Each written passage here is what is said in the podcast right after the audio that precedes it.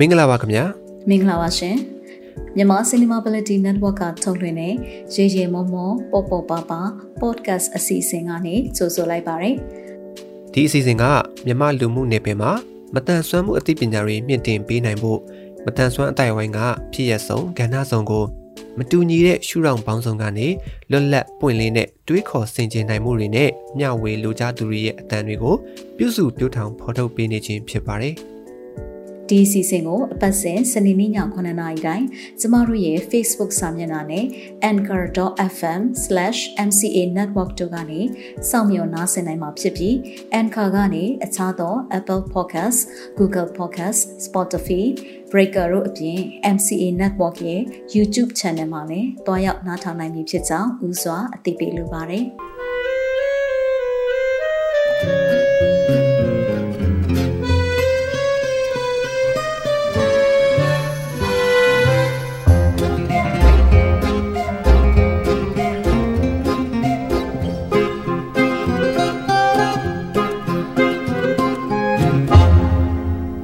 ဒီတစ်ပတ်မှာတော့ခွဲထွက်လာသောရုပ်ရှင်များတွေကမတန်ဆွမ်းဆက်ကောင်များအကြောင်းကိုရီမမောပေါ်ပေါ်ပပ podcast အစီအစဉ်ကနေရေရှည်ဖော်ထုတ်ပြီးတော့ဖို့အစာပြုတဲ့အနေနဲ့ပင်တိုင်းတင်ဆက်သူကျွန်တော်ပြည့်ပြည့်အောင်နဲ့အတူဘသူတွေက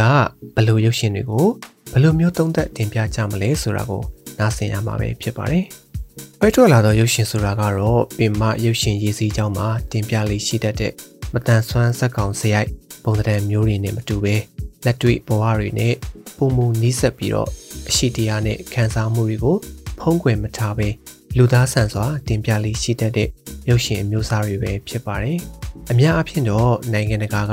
ကဏ္ဍဝင်ရုပ်ရှင်တွေမှာလည်းရှိခဲ့တယ်လို့ယနေ့ခေတ်မှာတော့ Hollywood, Bollywood တို့လိုကမ္ဘာကျော်ယုံတင်ကားကြီးတွေတည်းမကပဲနိုင်ငံတကာရုပ်ရှင်ပွဲတော်တွေမှာသာတည်တံ့ပြသလေးရှိတဲ့ကိုတူကိုထရုပ်ရှင်အမျိုးအစားအနွယ်ဝင်မတန်ရုပ်ရှင် documentary ဇလံရုပ်ရှင် short film နဲ့ကာတွန်းရုပ်ရှင် animation အများစုမှာလည်းပဲဒီလိုဇာတ်ကောင်တွေကိုမကြာခဏရှာဖွေတွေ့ရှိနိုင်ပါတယ်။ဒါပေမဲ့ရှေးရိုးဆွဲအယူအဆတွေလွှမ်းမိုးနေတဲ့တချို့သောသူတွေအတွက်တော့ဒီလိုခွဲထွက်တင်ပြတဲ့ရုပ်ရှင်တွေနဲ့တမူထူးခြားတဲ့မတန်ဆွမ်းဇာတ်ကောင်စရိုက်တွေကိုအလွယ်တကူလက်ခံနိုင်ဖို့အတွက်လက်တလုံးမှာခက်ခဲကောင်းခက်ခဲနေပါဦးမယ်။ဒါဟာကြည်လင်နေတဲ့မှန်တစ်ချက်ကိုပထမဦးဆုံးစတွေ့ဘူးတယ်လို့ပဲကြည်ရသူအတွက် အရှိတရားတစ်ခုကိုအလွယ်တကူလက်ခံမှုအတွက်တွန့်ဆုတ်နေတတ်တာတဘာဝမို့လို့ပါဒီလိုရုပ်ရှင်တွေဟာလေငွေကြေးအမျက်အစွန်းတက်အမှုပညာအကျိုးအမြတ်ကိုပိုတန်မိုးထားတတ်ကြလို့တာမန်ဖြောပြေးဆန်တဲ့ရုပ်ရှင်တွေနဲ့မတူပဲကွဲထွက်နေစေတာဖြစ်ပါတယ်မိတ်ဆွေတို့အနေနဲ့လည်းဒီလိုရုပ်ရှင်တွေကိုအခါအခွင့်အသင့်တဲ့အခါအွန်လိုင်းပေါ်မှာဖြစ်ဖြစ်ရုပ်ရှင်ပွဲတော်မှာဖြစ်ဖြစ်ရှာဖွေကြည့်ရှုနိုင်မှုအတွက်လည်းတစိတ်တစ်ပိုင်းအမြင်ဖွင့်ကူညီပေးသွားကြမှာဖြစ်လို့ ကျွန်တော်တို့ရဲ့အစီအစဉ်မှာနောက်နောက်ပါဝင်တင်ဆက်လူသူများအနေနဲ့လည်းမိမိတို့ကြည့်ရှုထားတဲ့ရုပ်ရှင်တွေကထူးခြားတဲ့မတန်ဆွမ်းဆက်ကောင်တွေကိုနောက်ပိုင်းများမှာအတူပါဝင်တင်ဆက်နိုင်မှုအတွက်လည်းတပါးဖိတ်ခေါ်အပ်ပါတယ်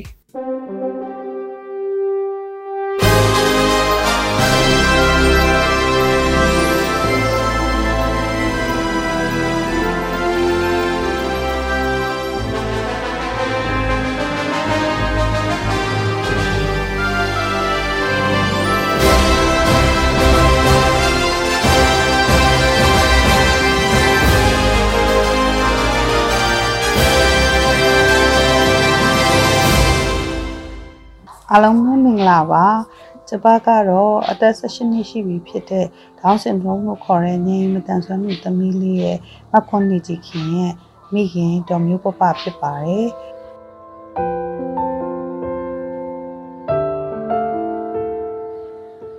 အာဒီနေ့တော့ကျမက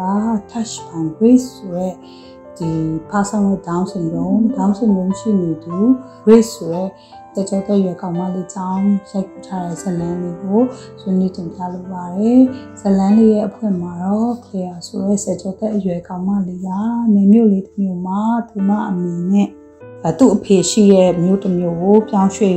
ရမယ်အချိန်ဒီမှာမပြောင်းခင်ညမှာအာသူတို့တငယ်ချင်းတွေသူတို့မကြိုက်တဲ့ဒီအတန်းဖော်တရားရဲ့အိမ်မှာသွားပြီးတော့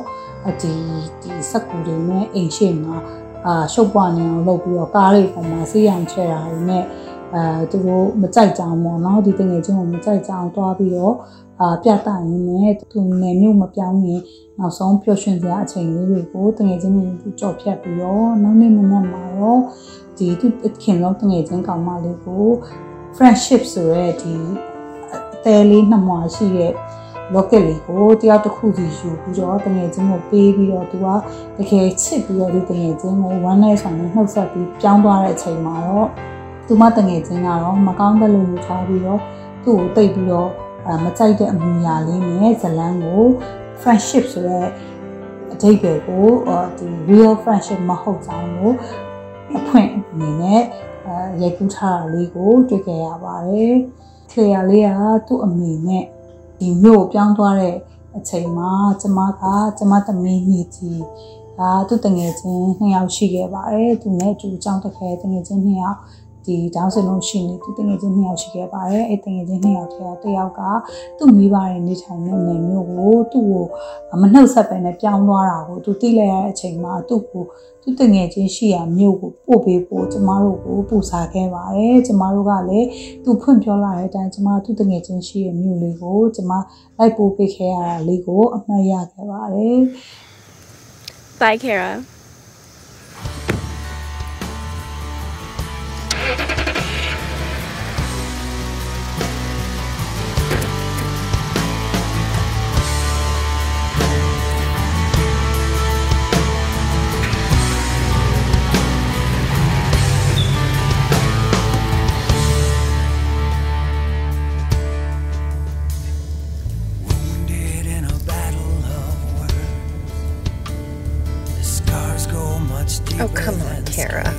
Aren't you excited to see your dad again? No, I hate that new job. It'll be better now. After the last six months, we'll finally be together again. Whatever. ပြီးတော့ဒီဇလန်လေးမှာသူ့အဖေရှိတဲ့မြို့ကိုကလေယာနဲ့ သူ့အမေပြောင်းသွားတဲ့အချိန်မှာတော့အဲသူသူမကကြောက်ပြောင်းသွားရမယ့်အချိန်မှာသူကြောင်းပြောင်းတဲ့အကြောင်းကိုတာမီနဲ့အကြောင်းသွားအပ်တဲ့အချိန်မှာသူတို့နိုင်ငံမှာဒီကျမစိတ်ထင်ပါတော့ကျမတို့ college နဲ့မျိုးအရွယ်အတန်းကိုသူတို့နိုင်ငံမှာတော့ senior တန်းလို့ခေါ်ပြီးတော့ part time ကျောင်းသားတွေက part time အလုပ်လုပ်ကြပါတယ်အဲ့မှာတော့ ဒီကန်တင်းမှာဒီ pattern ဆိုတော့ခက်ချောချောကောင်လေးအလုံးလုံးနေရတွေ့ပြီးတော့ player နဲ့တန်းနဲ့မှန်းသိသွားတဲ့အချိန်မှာတော့ player မိခင်က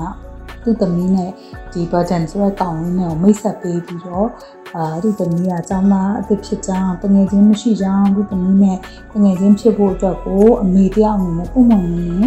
ချစ်စရာကောင်းပြီးတော့သမီးအတွက်ကိုမိတ်ဆက်ပေးတာကိုလည်းတွေ့ရပြီးတော့ player ကတော့အဲဆက်ကြောတဲ့ရွယ်ကောင်မလေးပူပီရှက်ပြီးတော့သူ့အမေကိုနောက်ထပ်မျိုးမလုပ်ဖို့ပြောချင်မှာသူ့အမေကလည်းဒီမပေးနိုင်ကြောင်းပြောရလေးကလည်းတာမီမြောင်ရဲ့ပွင့်လင်းတဲ့ relationship ကိုဖြတ်တာကိုတွေ့ရပါတယ်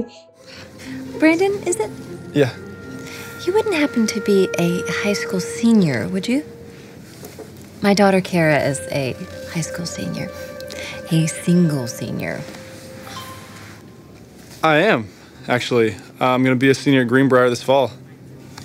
Really? Kara is also going to Greenbrier, but she just transferred in. I'm sure she'd love to have someone to show her around the school.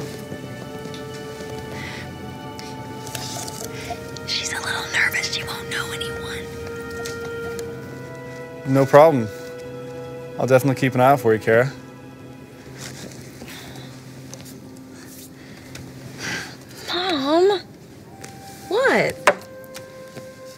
What? Care Bear, he's a very cute boy who happens to be about your age, and he just happens to go to your school. အဲ့ဒီအချိန်မှာပဲဒီနေမတန်ဆွမ်းသူအချို့ကဒီကဖေးတွေကိုဝင်လာတဲ့အချိန်မှာတော့ခေရရဲ့မိခင်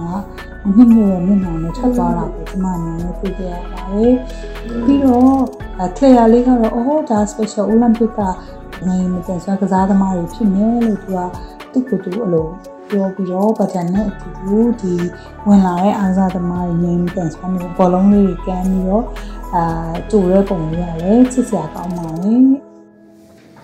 Okay, guys, come on, let's go. Um, you know, why don't we just finish our smoothies in the car? Where are we? The Special Olympics or something? got a surprise. hey, Grace. Oh, hey, I got it. Here. Thank you, thank you.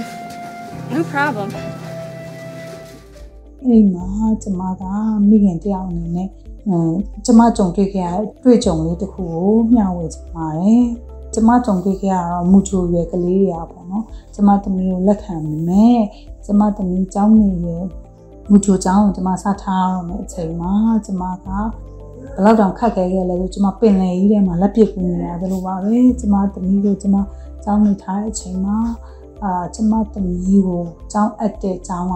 ကျောင်းသားမိဘတွေက မကြိုက်တဲ့အတွက်ပေါ့နော်ကျမသမီးကိုလက်မခံနိုင်ပါဘူးဆိုပြီးတော့ကျောင်းအကဲနင်းပယ်မှုမျိုးကိုလည်းကျမခံခဲ့ရပါတယ်ဒါပေမဲ့ကလေးတွေကတော့ဖြူစင်ပါတယ်ကလေးတွေကတော့နားလေသူတို့တကယ်ချင်းပြင်လက်ခံနိုင်နေတယ်မိဘတွေကဒီလိုမျိုးခွဲခြားဆက်ဆံမှုရှိတာကိုကျမကိုယ်တိုင်ကြုံတွေ့ခဲ့ရတဲ့ဟာကိုကျမအမှတ်ရမိပါတယ်ဒါပေမဲ့အခုချိန်မှာတော့အဲ့ဒီအတွေ့အကြုံတွေကကျမဘွားရဲ့ strength လို့ခေါ်ရဲပေါ့နော်အားသာချက်တွေဖြစ်လာဖြစ်လာအောင်တွန်းပို့ပေးခဲ့တဲ့အရာတွေပဲဖြစ်ခဲ့ပါတယ်။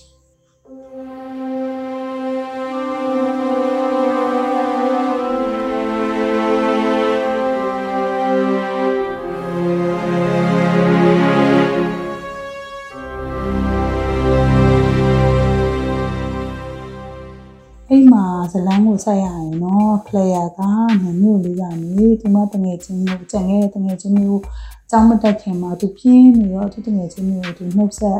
ပုံဆက် message ပို့ပေးမယ်သူတငယ်ချင်းကောင်မလေးကသူ့ကို message တင်ပြန်နေအပြင်သူပေးခဲ့တဲ့ဒီဆွဲချိုးလေးကိုတော့မှသူ့စီပြန်ပို့လိုက်တဲ့အချိန်မှာ player အားတော်တော်ခံဝမ်းနဲ့ခံရပါတယ် player မှာတငယ်ချင်းဒီအကြောင်းလည်းမတက်ရသေးဘူးတငယ်ချင်းလည်းမရှိသေးတဲ့အချိန်မှာ player ဖန်ချင်တယ်မှာသူ့တရားအောင်တဲ့တစ်ဖက်စီးနေသူ့ဘာမနာပါတဲ့အဲဓာတ်ပုံရိုက်ခြင်းအလုပ်ကိုလုပ်နေတဲ့အချိန်မှာဇက်ကားရဲ့အဓိကဆက်ဆောင်ဖြစ်တဲ့ Grace နဲ့အဲစပြီးတော့တွေ့တဲ့အခန်းကိုချစ်စရာကောင်းအောင်နှိပ်ထားပါတယ် Grace ကတော့ clear တော့တွေ့တွေ့ချင်းမှာပဲသူ့နဲ့တချောင်းနဲ့ဖြစ်တာကိုသိတဲ့အချိန်မှာသူကပါစဝန် down syndrome လို့ခေါ်တဲ့ဒီ down syndrome ရှိနေသူ ဇက်ကောင်လေးပါ character လေးကိုတကယ် down syndrome ရှိနေတဲ့အဲ main ကလေးကဆက်ကြောသက်ရွယ် main ကလေးကတရုပ်ဆောင်ထားတာကိုတွေ့ရပါတယ်အဲ down syndrome လေးရဲ့ထုံးစံတိုင်းဒီမှာဒီ grace မှာနှလုံးရောဂါလေးလည်းရှိနေပါတယ် grace ကအဲ့အတွက်ကြောင့်မလို့သူကကျောင်းမှာဆိုလို့ရှိရင်လည်းသူသူတငယ်ချင်းအများကြီးမရှိဘူးသူကတယောက်တည်းနေရအများကြီးအတွက် Claire ကိုတွေ့တဲ့အချိန်မှာ Claire နဲ့သူမိတ်ဆက်ပြီးတော့သူကလည်းဓာတ်ပုံလိုက်တော့ဝါသနာပါကြောင်း artist ဖြစ်ကြောင်းသူကလိပ်ပြလေးတွေမွေးကြောင်းမှာလိပ်ပြလေးတွေစိတ်ဝင်စားကြောင်းသူရဲ့လိပ်ပြ pizza project လို့ခေါ်ကြောင်းသူစိတ်ထဲရှိရအကုန်လုံးပွင့်လင်းစာနဲ့ Claire ကိုအပြောပြီးတော့သူ့အိမ်ဝင်လိုက်တယ်ပို့လဲချက်ချင်းပဲဖိတ်ခေါ်ပါတယ် Hi. Hi. You helped me get my banana. Yeah, I did. I'm Grace. Grace Young. Nice to meet you, Grace. I'm Kara. I like the camera. Thanks. I take photos. I'm an artist. Oh, really? That's cool. I'm an artist too. Kind of. I have an art studio at my house. Do you want to come over? No, that's okay. I've got to go home now. It was nice meeting you. Actually, I can ask my mom if you can come over. No, really, it, it's okay. အိမ်မှာကျမအနေနဲ့သိထားမိတာကတော့ဒေါင်းစင်လုံးရှိနေပြီမှာဆိုလို့ရှိရင်သူကစိတ်ထဲကိုရှိတဲ့အရှိတိုင်းပေါ့နော်သူတို့ပြောတယ်ဆိုရဲသူတို့တငယ်ချင်းဖြစ်ခိခင်မမင်းရင်းနေနေပေါင်းတယ်သူတို့မှတငယ်ချင်းဆိုတာဖြူစင်နေစက်မှန်တဲ့တငယ်ချင်းနဲ့သူတို့အမြဲတမ်းအမြဲတမ်းသူတို့လက်ခံတယ်ပေါ့နော်ခံယူပြီးတော့သူတို့ ဘယ်လိုလူမျိုးမဆိုဟိုဖြူဖြူမဖြူဖြူချောချောမချောချောသူတို့ကတငယ်ချင်းဖြစ်ပေါင်းလို့ရှိရဲကျမသမီးကြီးမှာဆိုလို့ရှိရင်တော့ဒီလိုမျိုးပေါင်းနေတာတငယ်ချင်းသူနဲ့ရွယ်သူတငယ်ချင်းလည်းမရှိပါဘူးသူ့အတွက်ကတော့ကျမနဲ့သူ့ဖေရတာတငယ်ချင်းဖြစ်ရှိနေတာကိုကျမမိခင်တယောက်အနေနဲ့ဝမ်းနည်းစာနဲ့ကြုံတွေ့နေရပါတယ်။ဘာလို့ဆိုကျမသမီးလေးက mainstream လို့ခေါ်တဲ့အကြောင်းကိုတက်ခွင့်မရဘူး special needs ကလေးတွေအထူးကြီးစောင့်ရှောက်ဖို့လိုအပ်နေတဲ့ကလေးတွေအတွက်ဖွင့်ထားတဲ့ကျောင်းမှာပဲတက်တဲ့အတွက်ကြောင့်မလို့သူတငယ်ချင်းတွေရတယ်အခုချိန်မှာဆိုလို့ရှိရင်မိဘနဲ့သူအိမ်မှာလည်းရှိနေတယ်သူတို့မှာအဆက်အသွယ်တွေမရှိကြတော့ပါဘူး Thank you for the way you make a feeling real. Rolling through my heart like a Ferris wheel. Thank you for a pretty little laughing heart. Thank you from my heart.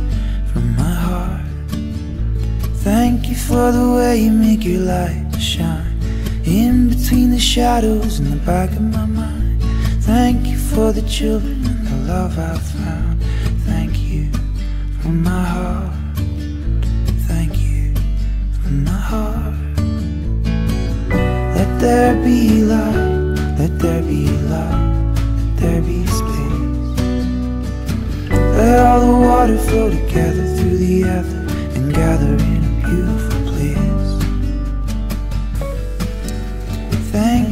the way you make the showers fall Like a blanket on the valley when the flowers call Thank you for creating and sustaining it all Thank you from my heart နောက်ပြီးတော့ဒီဇက်ကားလေးကိုဆက်ရမယ်ဆိုလို့ရှိရင်တော့နောက်ထပ်ဒေါင်းစနုံရှိနေတဲ့ဇက်ကောင်တစ်ခုကတော့ ban လို့ခေါ်တဲ့အရွယ်ရောက်ပြီးပေါ့နော်ចောင်းပြီးတဲ့ နားဆင်လို့ရှိနေသူယောက်ျားလေးရဲ့ character လေးကိုအာ driver ကတင်ဆက်ထားဖြစ်ပါတယ်သူကတော့ Claire တက်တဲ့အကြောင်းကကင်ဒင်းကကောင်လေးပေါ့နော်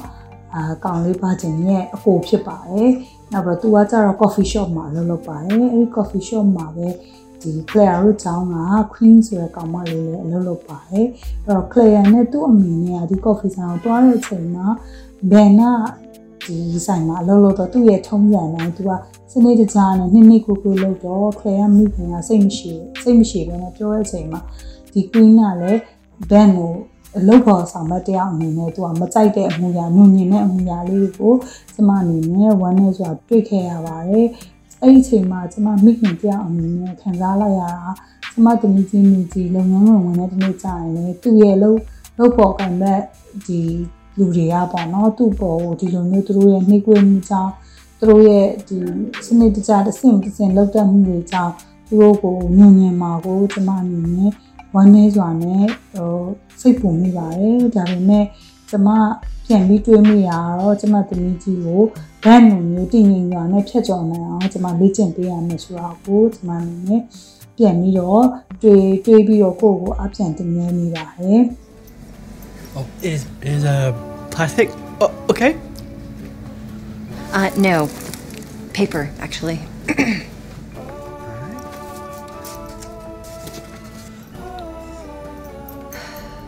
you know what? Never mind. I'll just do it myself. Move out of the way, dummy. She said she wanted to do it herself, okay? Okay. Fine. That's Ben. Just ignore him. He's a part of our retardation outreach program. Um, is it just me? Or are those people everywhere around here? Oh, they're everywhere, all right. We're crawling with them. အိမ်မှာဒီဇက်လန်မှာထပ်ပြီးတော့ဇက်ကောင်တစ်ခုအနေနဲ့ပါဝင်လာတာအဲ့တော့ Stella လို့ခေါ်တဲ့ဒီ Queen ရဲ့တငယ်ချင်း villain ပေါ့ဒီဇက်ကားထဲမှာ villain ဖြစ်မဲ့ကောင်မလေးကအာဒီ Queen ကနေတဆင့်သူတို့အာ Claire ရဲ့ အဲ Queen ရဲ့ Stella ရဲ့၃ယောက်ကအာတငယ်ချင်းဖြစ်သွားပြီးတော့ Claire လေးကတော့ဒီ Grace ကိုမေ့ပြီးတော့ Grace ပုံစံရင်လည်းသူကမကင်တော့ဘဲနဲ့သူရသွားတဲ့တငယ်ချင်းအစ်စ်ကောင်မလေးနဲ့အာသူနဲ့အတူတူရွယ်တူအတန်းဖော်ကောင်မလေးနဲ့လူငယ်တို့တဘာဝပျော်ရွှင်နေတာကိုလည်းရိုက်ပြသွားပါတယ်။အဲ့ချိန်မှာကလျာလေးကတော့သူ့ဟာသူတယောက်တည်းပဲအဲနေနေခဲ့ပါတယ်။ဒါပေမဲ့ ဒီဇက်ကားရဲ့ဇက်ချိန်ညှင်ရမယ့်အခန်းဖြစ်တဲ့ဆရာကဒီအခန်းထဲကိုចောင်းစာသင်ခန်းထဲမဝင်လာခင်အချိန်မှာဒီ Stella ရဲ့ဒီ van character လေးကိုပေါ်အောင်ဒီ Stella ဘယ်လို discriminate လုပ်တဲ့ကောင်မလေးတယောက်ဖြစ်တယ်ဆိုတာကိုသိအောင်အာရိုက်ပြသွားတာလေဒီ Claire ရဲ့ feeling ဖြစ်တဲ့အကြောင်းကိုအမှုပညာလက်တာမြောက်စွာနဲ့တင်ပြခဲ့ပါတယ်အိမ်မှာဒီဇက်လန်ရဲ့ဇက်ချိန် တန်ပိုတင်မဲ့အခန်းဖြစ်တဲ့ဇကားရဲ့တဝက်ဖြစ်နေတဲ့လောက်ရောက်နီးနီးရောက်တဲ့အချိန်မှာဒီဆရာကအတန်းထဲမှာသူတို့ခေါ်တာကတော့ homecoming court လို့ခေါ်တဲ့ဒီကျမတို့ဒီမြန်မာလို့ပြောရမယ်ဆိုလို့ရှိရင်တော့အတန်းကောင်းဆောင်လိုမျိုးအတန်းထဲမှာဟို queen ကို king ကိုရွေးသလိုမျိုးပေါ့နော်အဲ့လိုမျိုးရွေးချယ်ဖို့အတွက်ကိုဆရာက announce လုပ်လာခဲ့ပါတယ် Okay, class, settle down. As you know, today is a day when we nominate one girl for the homecoming court. Once the court is chosen, the entire school selects the homecoming queen. Do any of you have any nominations? I'm going to take two, and at the end, we're going to vote for one. Hope that's not too hard for you. Any nominations? I'll nominate my hot homecoming date, Skylar. Girlfriend. My hot girlfriend, Skylar. Shocker. Okay, does anyone second Skylar's nomination?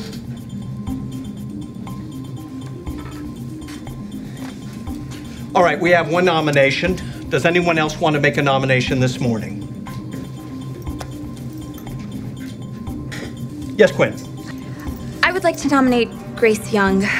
Uh, I think that having a student like Grace on our homecoming court would be a positive statement to our school community about the importance of acceptance, tolerance, and diversity. Quinn, that's a beautiful idea. အဲ့ဒီချိန်မှာတော့ queen queen တို့တခြားဒီ stella တို့ stella ရဲ့တငယ်ချင်းတွေကတော့ stella ကိုအဆိုပြုပြီးတော့ဆရာကအဆိုပြုဖို့လူနှစ်ဦးရွေးချယ်ပေးဖို့နဲ့ထောက်ခံဖို့လူနှစ်ဦးရွေးချယ်ဖို့ကြီးညာခဲ့ပါတယ်အဲ့ဒီချိန်မှာဒီ stella ရဲ့တငယ်ချင်း boyfriend ကောင်လေးကတော့ stella ကိုအဆိုပြုပြီးတော့ Claire နဲ့နောက်တစ်ယောက်ကထောက်ခံပေးလိုက်ပါတယ်အဲနောက်ထပ်တစ်ယောက်ကိုအဆိုပြုဖို့ပြောတဲ့ချိန်မှာတော့အဲ queen ကအဲ Grace ကိုအဆိုပြုလိုက်ပါတယ် Grace ကို Grace ကဒီသူ့တငယ်ချင်း Stella ကိုမရှင်နိုင်တော့ဘူး Grace က vote မရတော့ဘူးလို့ထင်ပြီးတော့သူကအဆိုပြုပြီးတော့နောက်ထပ်အတန်းဖော်တယောက်ကထောက်ခံလိုက်တဲ့အချိန်မှာတော့ voting ပေးပြီးတော့စတင်ရွေးချယ်ကြပါတယ်အဲ့လိုရွေးချယ်တဲ့အချိန်မှာတော့ Grace ကအတန်းသားအားလုံးအားလုံးကြီးပါပေါ့နော်ရဲ့ထောက်ခံမှုနဲ့ Grace က vote ရပြီးတော့ဒီ homecoming pot ဒီရသွားခဲ့ပါတယ်အဲ့ဒီချိန်မှာတော့ Stella ကအရန်ကိုအာမျက်နှာပြက်ပြီးတော့သူ့ရဲ့ဒီ villain ဇက်ကို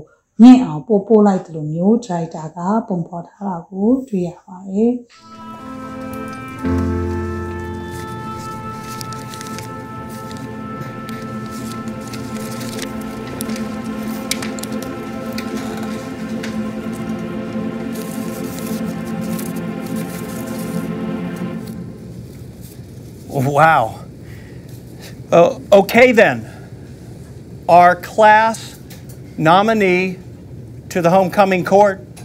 is Grace Young. ။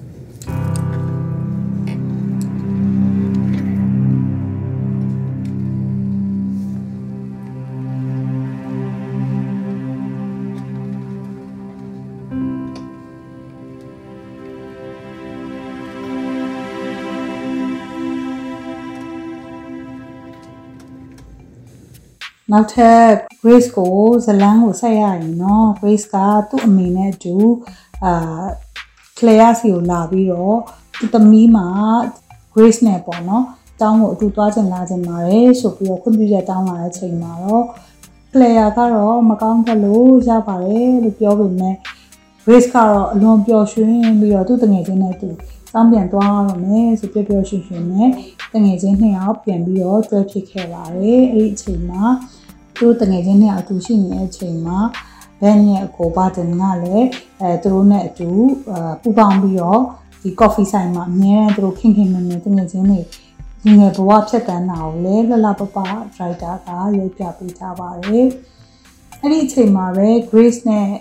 Claire နဲ့ထိုင်နေတဲ့ coffee shop မှာကျောင်းသားတယောက်ကဖြတ်သွားရင်းနဲ့ Grace ရဲ့ပေါင်မို့ coffee တွေမှောက်ကျသွားခဲ့ပါတယ်။အဲ့ဒီအချိန်မှာတော့ အာ Grace ကလန့်ပြီးတော့သူ့ရဲ့ဒီနှလုံးရောဂါဖောက်တာကိုလေဒီဇလန်းမှာပေါ့နော်ဒီ Grace ရဲ့နှလုံးရောဂါအခြေအနေကိုသိအောင်လဲ director ကပေါ်ထားတာလေးကိုလည်းသတိထားမိပါတယ်။ဒီတောင်းစင်လုံးရှိနေတဲ့ကလေးကမများဆိုလို့ရှိရင်ဒီနှလုံးရောဂါလေးတွေပါတတ်ကြတယ်ပေါ့နော်။အဲ့မှာတောင်းစင်လုံးရှိနေတဲ့အဲ brace လေးကလည်းနှလုံးရောဂါပါတွဲပါနေတာကိုအာ writer က ဒီခန်းမှာဖော်ပြပေးခဲ့ပါတယ် Hey, I'm where sorry. are you Hey, going? I, I got it, man. Grace, stop crying. Hey, Grace, Grace, it's okay. It's all right. We're gonna fix this, all right? You got your meds? Yeah? Okay. Brandon, help. I need you to stop crying. Um, hey, Grace, sweetheart. It's gonna be okay. We're gonna fix it. You have your meds with you? Yeah? Okay. Hey, hey, Princess Grace, do you want another smoothie? What's wrong, huh? You say you stop crying if I give you a date to homecoming? You will? All right, here, here's your inhaler. အဲ့ချိန်မှာ Grace ဒီလိုမျိုးဖြစ်သွားတဲ့အချိန်မှာ Claire နဲ့ Burton ကကောင်းကောင်းဒီအချိန်လေးကို handle လုပ်နိုင်ခဲ့တယ်ကောင်းကောင်းနားလည်ခဲ့တယ်ဒီ Burton ကဒီဟာကိုဘာကြောင့်နားလည်လဲဆိုရင်သူ့အကို ဘန်ကြောင့်သူကဒီသူ့ကိုဘန်ရှိတဲ့အတွက်ကြောင့်မို့သူကဒီတွေ့ကြုံရှိရှိတဲ့အတွက်ကြောင့်မို့အဲသူက Grace ကိုကောင်းကောင်းလေးဟိုသူဖြစ်နေတဲ့အချိန်ကြီးကနေပြီးတော့ calm down ဖြစ်အောင် handle လုပ်နိုင်တာကိုလည်းအဲတွေ့ခဲ့ရပါတယ်။အဲ့ဒီအချိန်မှာ Claire ကသူ့ရဲ့ smoothie လေးယူတောက်လိုက်ပါသူသူ့ဟာလေးကိုပေးပါတယ်ဆိုပြီးတော့အဲဒီကလေးတယောက်လိုမျိုး treat လုပ်တာလည်း အဲချစ်စရာကောင်းကောင်းပါတယ်ဒါပေမဲ့အဲ့ဒီအချိန်မှာ Grace ကပြန်ပြောတာတော့ငါမှတငယ်ချင်းလည်းမရှိဘူးငါငါမှတွေ့ date လောက်အောင်မယ်လို့လည်းမရှိဘူးဆို one နဲ့ဆိုတာနဲ့သူရင်ဖွင့်လာတာကိုတွေ့ရပါတယ်အဲ့ဒီအချိန်မှာ Grace ကဒီလိုမျိုးရင်ဖွင့်လာတဲ့အချိန်မှာပါတနာဟိုးစိတ်မပူနဲ့စိတ်မပူနဲ့နင်းမှာဒီလိုအသွဲရဖို့အတွက်ကိုငါကူညီနိုင်ပါတယ်ဆိုပြောတဲ့အချိန်မှာ Claire ကပါတန်ကိုနေပါဖို့ဂရိတော့ပေးရလဲရတယ်ငါမှဒါကိုကူညီနိုင်တဲ့လူတယောက်ရှိရဲဆိုပြီးတော့သူ့အကိုကိုဒီချိန်မှာမိတ်ဆက်ပေးလာပါတယ်အဲ့မှာကျမသတိထားမိတာကဒီတောင်းစင်လုံးရှိနေတဲ့မိသားစုတွေမှာဆိုလို့ရှိရင်ဒီကိုမောင်နှမတွေရှိရင်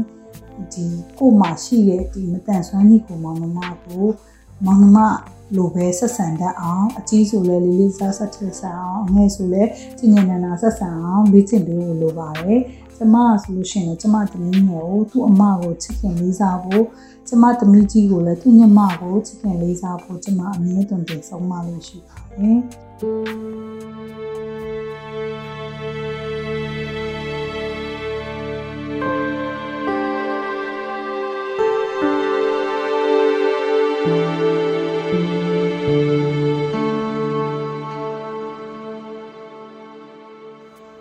အဲ့မှာဘန်ရဲ့အခန်းကအရင်စိတ်ဝင်စားဖို့ကောင်းပါတယ်ဘန်ရဲ့အခန်းဝလေးမှာစာလေးကတ်ထားပါတယ် it's band room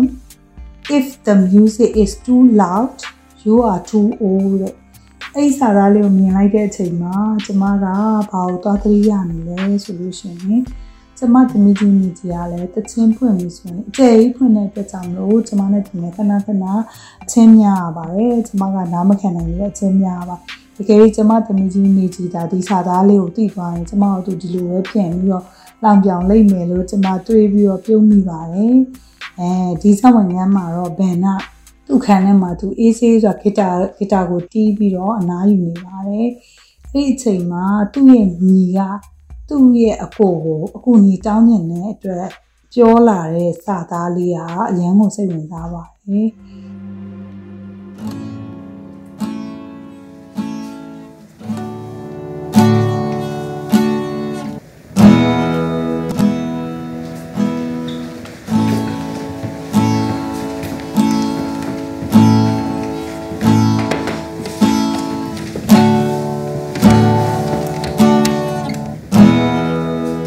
Hey, Ben. Hey, Ben. Uh, ben, buddy, could you uh, could you stop for a sec? Read the sign, Brandon. I've read the sign, man. I know, I know, I'm old, but uh, I need your love advice.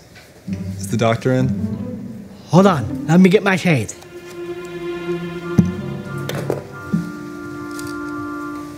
The doctor of love is in.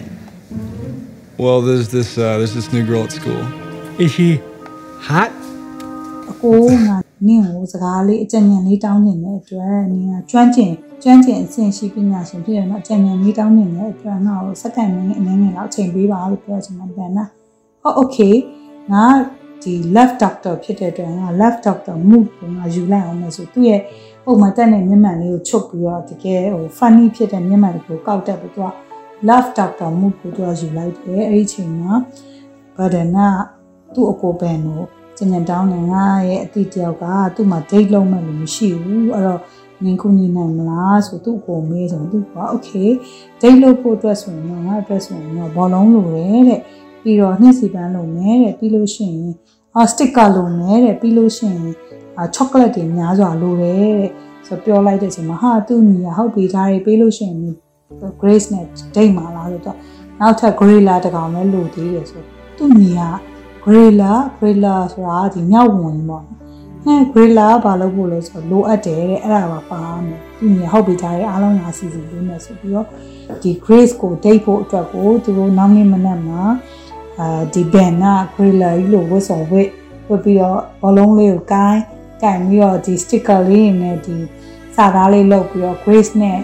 Claire နဲ့ចောင်းကားစီပြီးလာတဲ့အချိန်မှာအဲသူတို့ကဒီစာသားလေးကန်ပြီးကြိုပြီးတော့ဒီညနေညကျရင်သူတို့ရဲ့ cafe မှာပါတီလုပ်မယ်ဒိတ်လုပ်မယ်လာခဲ့ဖို့အတွက်ဖိတ်တယ်ဆိုအဲ့မှာသူတို့၄ယောက်ရဲ့ခင်မင်မှုကိုစပြီးတော့စစ်စရာကောင်းအောင်အမှုပညာမြောက်ဆောင်တဲ့ tractor ပုံပေါ်ပါတယ် It's hot in here, Brandon. Yeah, well, this was your idea, love doctor. It's the doctor of love. Right. Hey, look who came just to see you, Grace. What's this all about? I don't get it. Well, apparently Kara can't read well. Grace, can you help her out? Grace, yes. Hey, that's my name. And Kara, that's you. Sure is. Now read the other side. Come to Bite Cafe tonight, 7 4 7 p.m. Is that something you can fit in your schedule, Grace? Grace ကဆိုလို့ရှိရင်ဒီ Gorilla လေးကိုမြင်တဲ့အချိန်မှာပြေးပြီးတော့ဖတ်ပြီးတော့တအားပျော်သွားတော့ဒီ Ben ကလည်းအဲသူ့သူ့ရည်ရွယ်ချက်အချမြောက်သွားတယ်အဲ့မှာ Button ကလည်းသူနားလဲသွားတယ်သူ့ကိုဘာကြောင့် Gorilla လို့ပြောရလဲဆိုနားလဲသွားပြီးတော့အဲ့ဒီညမှာသူပျော်ပျော်ရွှင်ရွှင်နဲ့ ပါတီပွဲလေးကိုအဆုံးသတ်လိုက်ကြတယ်အဲ့ဒီမှာလူငယ်တဘာဝဒီစက်ကြောတက်လူမျိုးရဲ့တဘာဝပေါ့နော်ညဘက်ကိုပါတီတွေတက်မယ်တငယ်ချင်းတွေနဲ့ပွဲတွေလုပ်တဲ့အလေးချလေးကိုလူအခွင့်အရေးနေနဲ့အပြည့်အဝဒီမှာရှိတဲ့ဇက်ကောင်တွေကရရှိရရှိကြပါတယ်ကျမတမီးမျိုးကြီးတို့လိုဒီမှာရှိတဲ့အတန်ဆွမ်းဒီစက်ကြောတက်မတန်ဆွမ်းလို့ရတော့ဒီလိုမျိုးဒီလူတိုင်းအကျုံးဝင်ပညာရေးလို့ခေါ်တဲ့ အဲပညာရေးမျိုးကိုမရမရသေးတဲ့အတွက်ကြောင့်မလို့သူတို့မှဒီလိုမျိုးအခွင့်အရေးတွေကတော့ဆုံးရှုံးနေတာကိုကျွန်မမိခင်ကြောင်းနေဝမ်းနေစွာနဲ့တင်ပြလိုပါတယ်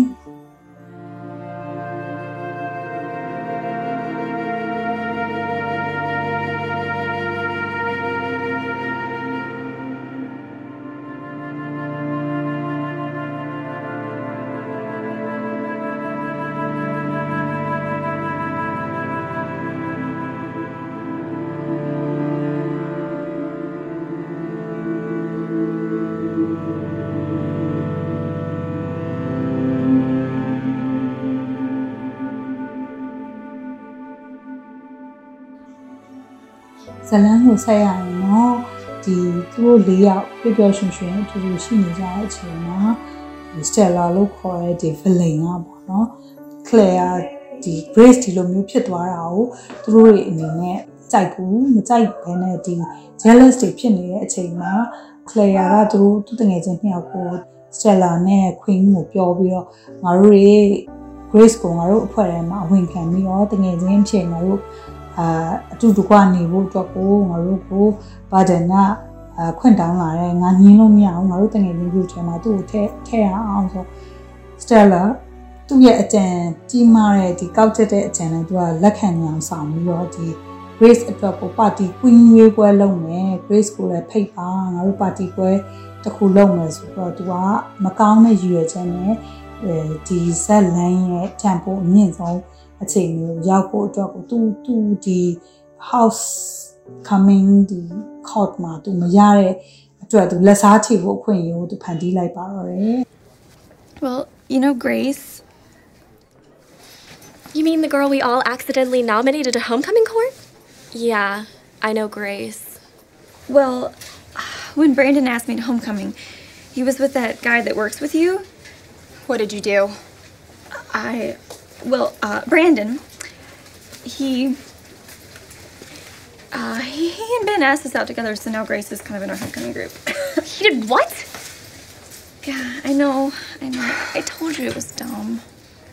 I think Grace is rubbing off on you. No, look, it, it was like this whole big romantic surprise thing in front of half the school. I didn't really have a choice. I mean, you saw the gorilla, right? Everyone saw the gorilla. That was pretty cute. No, no way. I don't care how cute it was. Do we look like the Make a Wish Foundation to you? I'm not riding on a short bus to homecoming.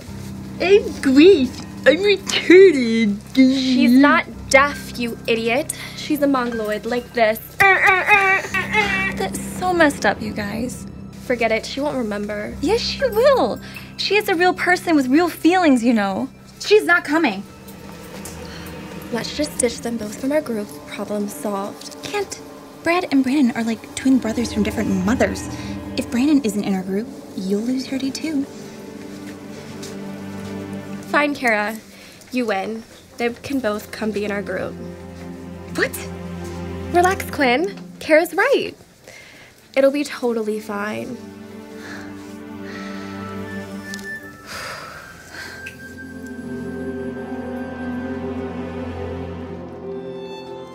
အဲ့ဒီအချိန်မှာပဲချစ်စရာကောင်းတဲ့အခြေအနေတစ်ခုကို director ကပြန်လဲပုံဖော်ထားတာကတော့ Grace Grace ကဒီပါတီပွဲကိုတွားမဲ့အချိန်မှာ band နဲ့လည်းတွဲတက်ရမယ်အဖော်လေးရနေပြီးတော့သူအရန်ပြောပြီးရန်စိတ်လှရှာနေတယ်သူ့အမေကလည်းအလားဆုံးအင်ကြီးလေးဝတ်ပေးပြီးတော့သူကလက်ပြအတောင်ပံလေးကိုသူကြိုက်တယ်အဲ့လက်ပြအတောင်ပံလေးကိုသူတက်တက်ပြီးတော့ဒီပါတီပွဲကိုတက်မယ်လို့သူ့မျိုးတောင်းဆိုတော့သူ့မျိုးကသူသမီးလေးရန်ပြောနေတာလို့ရန်တာပြီးတော့ Grace ကလည်းဒီပါတီပွဲတက်ဖို့ Claire ကိုလှပြင်လှဆုံးပြင်ပေးပြီးတော့သူတို့ Grace ရဲ့အခန်းထဲမှာရှိတဲ့ဒီလက်ပြလေးအကြောင်းကိုပါ Claire သိခွင့်ရတော့ Claire ကနေဘာဖြစ်လို့ဒီလက်ပြလေးကိုစိတ်ဝင်စားရလဲဆို Claire ကမေးတဲ့အချိန်မှာ Grace ကပြန်ပြောတယ်ဒီလောက်ညိုညိုပြီးတော့မလှဘူးပေါ့နော်မလှတဲ့ဒီပေါက်ဖက်လေးကိုနေဘာဖြစ်လို့စိတ်ဝင်စားလဲဒီဟာတဲ့ inner duty ရှိတဲ့တဘာလေးပေါ့အခုချိန်မှနေတာပဲမြင်ပြင်ကြရတော့လှပတဲ့လက်ပြလေးဖြစ်လာမှာကိုဘယ်နေ့ဘယ်အချိန်အတိအကျနဲ့ तू ကအဲသူစိတ်ဝင်စားတဲ့အကြောင်းအရာလေးကိုသူပြန်ပြီးတော့ကောင်းကောင်းမွန်မွန်လေးပြန်ရှင်းပြတာအောင်တွေ့ရတယ်လို့ဒီအလှဆုံးပြင်ပြီးတဲ့အချိန်မှာလည်းအဲ Claire က Grace ကိုဓာတ်ပုံလှလှလေးရိုက်ပေးတဲ့ပုံလေးကလည်းအရင်ချစ်စရာကောင်းပါတယ်။အဲ့ဒီပုံလေးရိုက်ပြီးတော့သူတို့ပါတီပွဲတက်ဖို့သွားတဲ့အချိန်မှာ Claire မိခင်က shop ပြသွားတယ် Grace ဆိုတာဒီကောင်မလေးကိုပြောတာလားမိတငယ်ချင်းဆိုမိသူနဲ့ပေါင်းတာလားဆိုပြီးသူ့အမေကမကြိုက်တဲ့အမူအရာနဲ့ပြောတဲ့အခန်းကလည်းကျွန်တော်မိခင်တယောက်အတွက်တော့တော်တော်စိတ်မကောင်းဖြစ်စရာအခြေအနေကိုကြုံတွေ့ရပါတယ်။ဒါပေမဲ့သူတို့တွေအားလုံးပျော်ရွှင်စွာဓာတ်ပုံရိုက်ပြီးတော့ Grace တို့အတွဲရယ် Clear တို့ Clear တို့အတွဲရယ်အဲ Queens ရယ် Stella ရယ်အကုန်လုံးဒီ6တကား6ပေါက်သားကြီးနဲ့သူတို့ party ပွဲကိုသွားကြတယ် Okay, time to go. Bye, Mom. Mommy. Bye, Daddy. Mom. I'll see you later.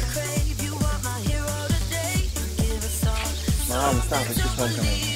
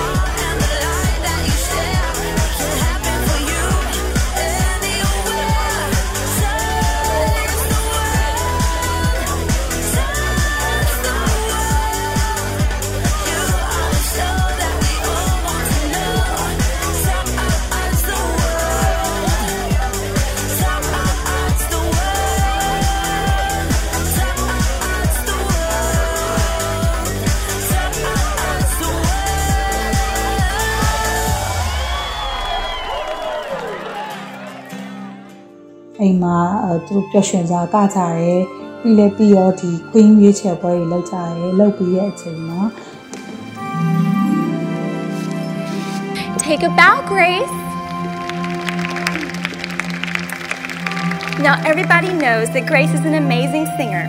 In fact, I think that everyone in the school needs to hear. Oh my goodness, they wouldn't! Skylar, stop this! Stop this now! You can't do this! Grace, would you please sing for us your most favorite song? I think your date Ben here has offered to accompany you on his guitar.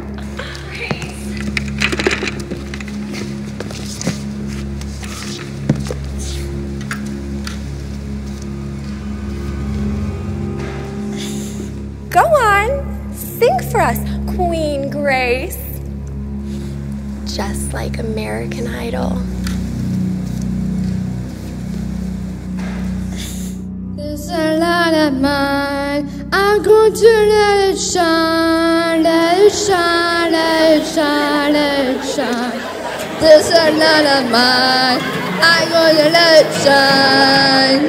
Let it shine, let it shine, let it shine. This Stop. a light of mine. Just stop this. I'm going to let it shine, let it shine, let it shine, let it shine. This a light of mine. I'm going to let it shine.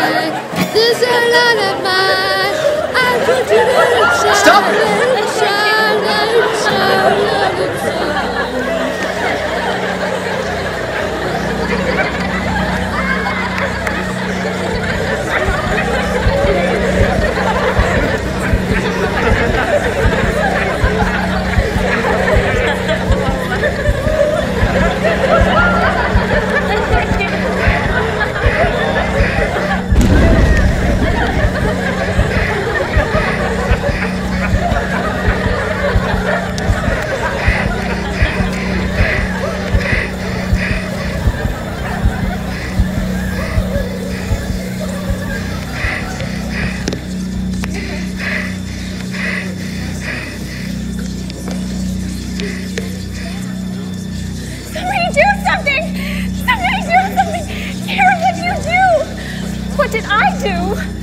This whole party thing was your idea! What? Where are her meds? Where are her meds? She needs her meds.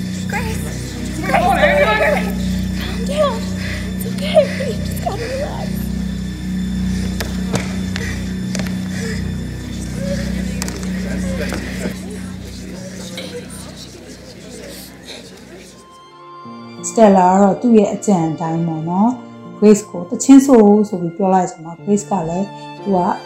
သူ့ရဲ့ပွင့်လင်းရိုးသားမှုတိုင်းသူကထွက်ပြီးတော့တချင်းဆိုတော့ဒါပေမဲ့သူတို့တွေကနောက်စဉ်လုံးရှိနေတဲ့ကလေးတွေကစကားပြောဆိုဆက်ပဲနေနေအခက်အခဲရှိတဲ့အတွက်တချင်းဆိုတဲ့အချိန်မှာအများလှမ်းပြောင်းရဖြစ်သွားတာပေါ့နော်အဲ့အချိန်မှာအကုန်လုံးကဝိုင်းပြီးသူ့ကိုဟာတိုက်ခံပြောင်းတဲ့အချိန်မှာ Grace ကနှလုံးထိကြိုက်ပြီးတော့နှလုံးဖောက်ပြီးတော့သူ့ကိုစေးရုံကားနဲ့စေးရုံရောက်သွားတဲ့အချိန်ကို ရောက်သွားပါတယ် Kara. Kara. What was that? What's the matter with you? How could how could anyone do that to another human being? You said you changed. I had nothing to do with that. It was Quinn and Skylar. You No, have to no, I'm sure Quinn and Skylar had plenty to do with it. You can't play innocent. Your class nominated her for homecoming, And then you staged that whole campaign to get her to be queen. And then you bring her on stage to sing so everyone could have a good laugh? I mean, how can you? No, know what? If I keep talking to you, I'm gonna say something I'm gonna regret. Just leave me alone and stay away from me and my brother. Brandon, I did nothing. I didn't do this. Please, Brandon, come back.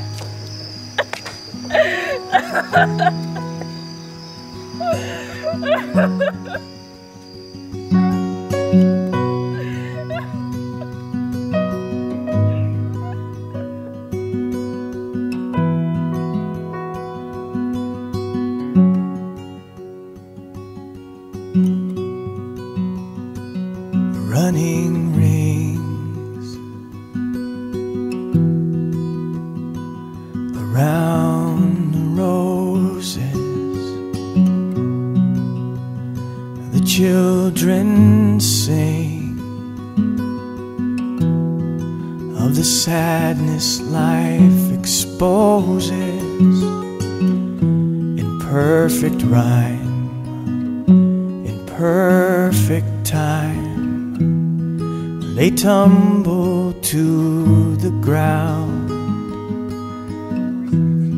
just a game, but just the same, we all fall down. We all fall down. We all အဲ့ဒီအချိန်မှာတော့ player လေးက Burden နဲ့တခြားတငယ်ချင်းတွေရဲ့အထင်လွဲခြင်းကိုခံလိုက်ရပါတယ်သူတို့တုံ့ရောက်ပေါင်းပြီးကြံစီရလို့ထင်သွားပြီးတော့ burden ကလည်း player ကိုတငယ်ချင်းအဖြစ်ကနေပြီးတော့ရက်စဲပြီးတော့ player တယောက်တည်းဝမ်းနေဆိုတာနဲ့ဖြတ်တန်းနေရတယ်အဲ့ဒါကိုသူ့အမေနဲ့အဖေကိုသူကဖွင့်ပြောတဲ့အချိန်မှာသူ့အမေနဲ့အဖေကသူ့သမီးရဲ့တငယ်ချင်းမိဘတွေကိုတွားပြီးအကျိုးအကြောင်းပြပြပြီးတော့ ဝိဆရာမိခင်ကိုဆေးရုံမှာတော့တောင်းပန်မှုအတွက်စီစဉ်ကြပါတယ်ဒီလိုမျိုးတသမီးတွေရဲ့အမားကိုမိဘတွေကမဖုံးကွယ်ဘဲနဲ့သူ့အမားကိုအမှန်ပြင်ပေးတာကလည်းအလွန်မှန်ကန်တဲ့လုပ်ရဖြစ်တဲ့ဆိုတာကိုဒီ character ဒီဇက်ကောင်ကသူ့အန်နဲ့သူ့အချိန်နဲ့သူ့ခါနဲ့ကိုက်ညီအောင် character ကအပန်ခေါ်သွားတာကိုတွေ့မြင်ရပါတယ်စီယုံရောက်တဲ့အချိန်မှာတော့ Claire ရဲ့ Queens ရဲ့ နောက်ပြီးတော့ Stella ရဲ့က Rose တွေနောက်ပြီးတော့ဒီဘောလုံးနေနဲ့ဒီ Claire ကို Grace ကိုတောင်းပန်မှုသွားကြပြီနဲ့မိဘအနေနဲ့သူသွားကြပြီနဲ့ Grace ရဲ့မိခင်ကတော့သူ့သမီးလေးဟာနှလုံးအားနဲ့နှလုံးမကောင်းတော့တဲ့အတွက်နှလုံး transfer လုပ်ဖို့အတွက်ဒိုနာစောင့်နေရတဲ့အခြေအနေ Claire ကိုသူပြောသလိုပဲသူ့သမီးဟာဒီတက်ရှူချက်တဲ့ယောဂရှိရဆိုတာကိုပြောထားရတာနဲ့ဒီလိုမျိုးဖြစ်ရတဲ့အတွက် သူ့မှာအရန်စိတ်ပေါက်ဖျားဆိုတဲ့အကြောင်းကိုပြောတဲ့အချိန်မှာကျန်တဲ့တငယ်ချင်းတွေကတော့ဆက်ပြီးတော့နားမထောင်နိုင်တော့ဘဲနဲ့ဒီနေရာထွက်သွားတယ်ဒါပေမဲ့ Claire လေးကတော့သူ့ရန်စိတ်မကောင်းဖြစ်ပြီးတော့သူလည်းမလုပ်ဘဲနဲ့သူရန်စိတ်မကောင်းဖြစ် Grace နဲ့တွေ့ပြစီလို့သူ့မိခင်အောင်ခွင့်တောင်းတဲ့အချိန်မှာသူ့မိခင်ကဒါမိသားစုပဲတွေ့ရမယ်အရေးပေါ်လူနာတွေထားတဲ့ word ဖြစ်တယ်အဲ့ဒီအတွက်ကြောင့်မျိုးအတမီတစ်ခုဖြစ်သွားရင်နေ့မှာတာဝန်ရှိရဆို Claire ကိုစိတ်ဆိုးစွာနဲ့တုံ့ပြန်နေမယ် Claire က တော့တကယ်ချင်းနဲ့တွေ့ဖို့တောင်းဆိုပြီးတော့နောက်ဆုံးတော့တွေ့ခွင့်ရသွားပါတယ်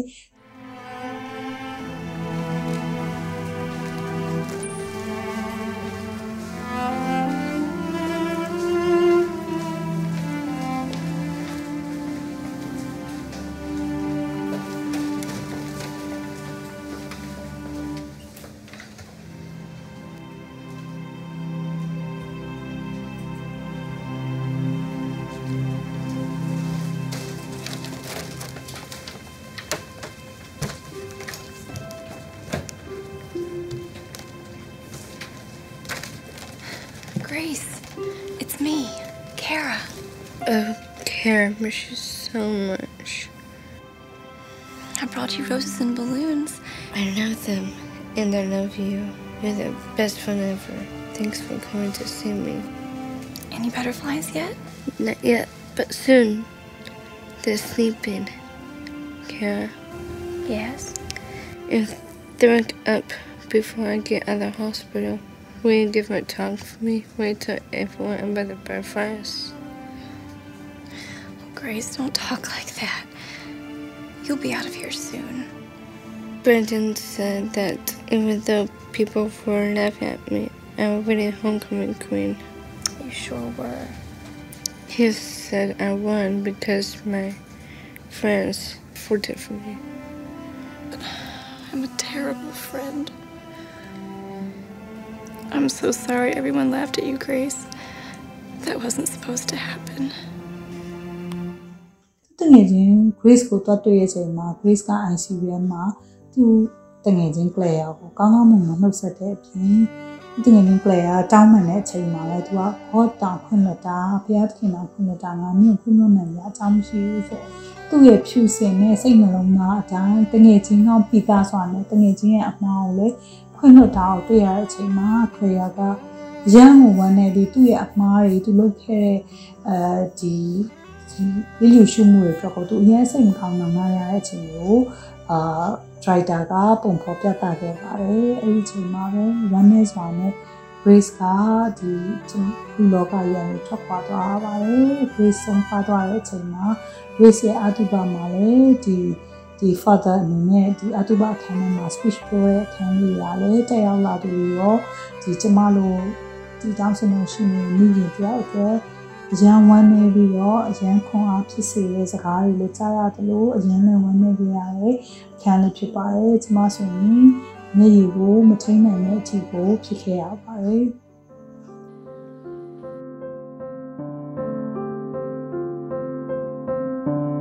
Are you waiting for me there? Sitting in your golden chair?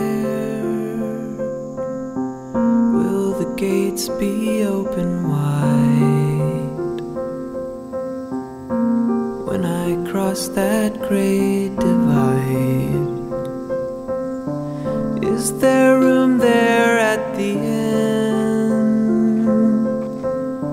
for those who recognize their sin. Will I ascend or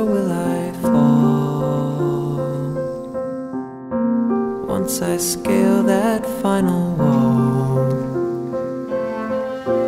grace eludes me here. The path is never clear. For this heart has turned to stone. I'm coming home. I'm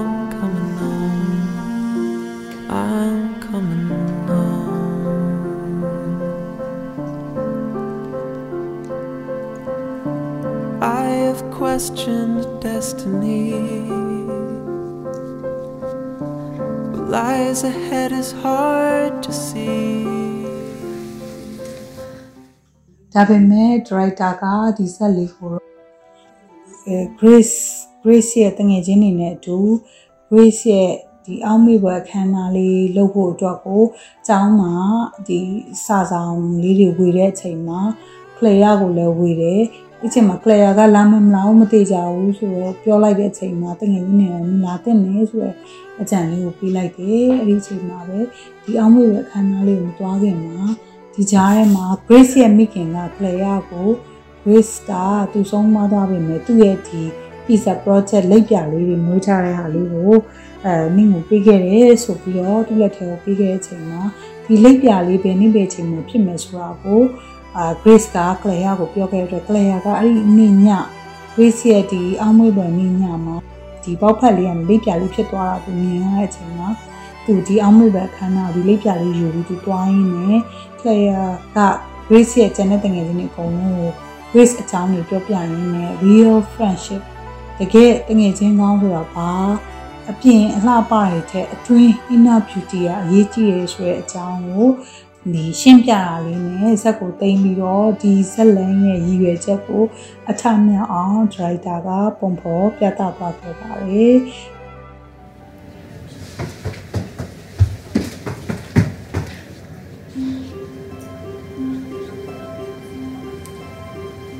Kara, I'm so glad you could make it.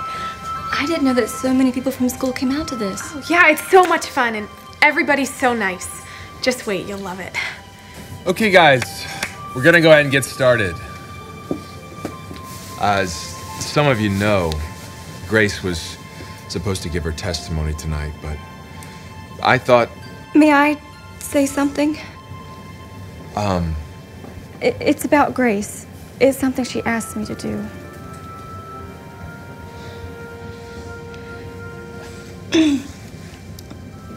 I,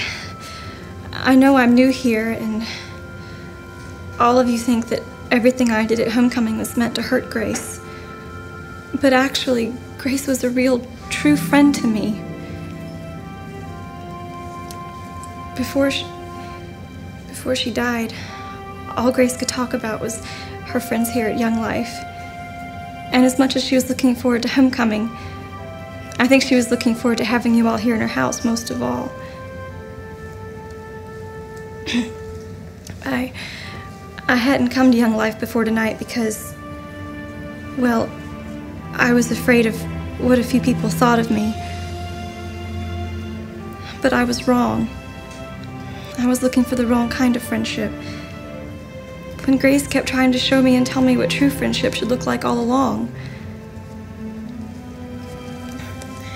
These are Grace's butterflies. When I first looked at them, all I could see was how brown and ugly and hairy they were. But Grace didn't see them that way. She knew that if you only look at what something looks like on the outside, you can miss the true beauty on the inside. I'm really sorry for not seeing the world through Grace's eyes. Through God's eyes, I guess.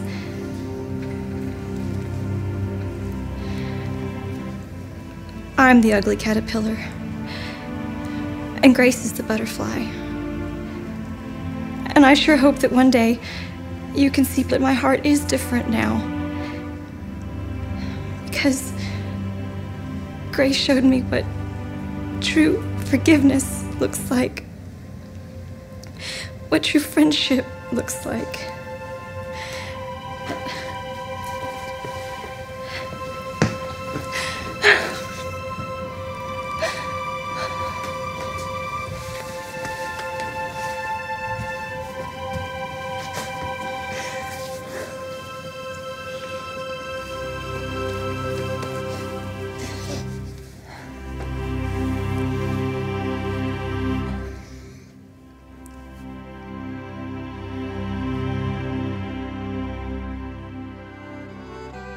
ကျမအနေနဲ့ဆိုရင်တော့ဒီဇက်ကားလေးကိုကြည့်ခြင်းအပြင်ကျမဘာကိုသတိထားမိလိုက်လဲဆိုလို့ရှိရင်ဒီလို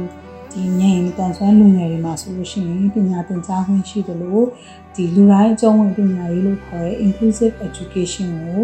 အဖော်ဆောင်နိုင်တာကောင်းပြီးတော့သူတို့တွေဒီလွတ်လပ်စွာဒီသူတို့အသက်အရွယ်နဲ့ကိုက်ညီတဲ့လွတ်လပ်ခွင့်တွေလူခွင့်ရေးတွေရရတာရှိပြီမယ်ပတ်ဝန်းကျင်က သူတို့ကိုနားလည်ဖို့သူတို့ကိုလက်ခံဖို့သူတို့ရဲ့အခြေအနေကိုအမှန်တိုင်းလက်ခံပြီးတော့ခွဲခြားဆက်ဆံမှုမရှိဖို့လည်းလိုအပ်တယ်ဆိုတာကိုဒီဇက်ကားကမိမောင်းထိုးပြထားပါတယ်။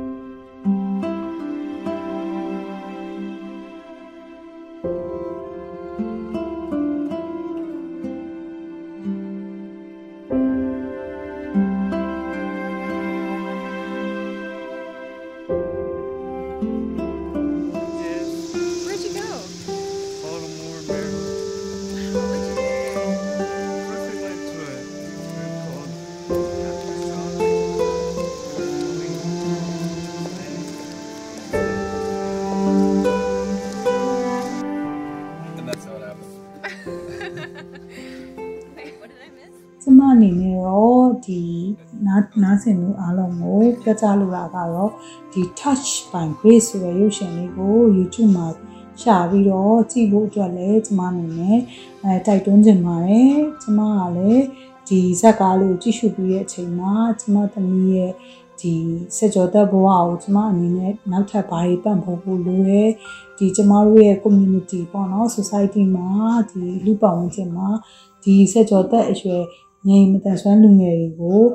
နှောက်ယှက်တာမျိုးဒီလိုမျိုးစိတ်သက်ကြအောင်လုပ်တာမျိုးမမလုံအောင်လို့အာထပ်ပြီးတော့လှုံ့ဆော်ဖို့လိုရဲထပ်ပြီးတော့မျှဝေဖို့လိုရဲဆိုတာလေးကိုဒီဇက်ကားလေးကိုကြည့်ချင်းအားဖြင့်ကျွန်မသိရှိပြီးရခဲ့ပါတယ်အဲ့တော့အာဒီဇက်ကားရည်ရွယ်ချက်အတိုင်းမှန်ကန်တဲ့အာတငယ်ချင်း real friendship ကိုငြိမ်မတန်ဆွမ်းလူငယ်တိုင်း ရကြပါစေလို့ကျွန်မမိခင်တယောက်အနေနဲ့ဆုမွန်ကောင်းတောင်းနေအားလုံးကိုနားဆင်ပေးတဲ့အတွက်ကျေးဇူးထူးထူးရှိပါတယ်ရှင်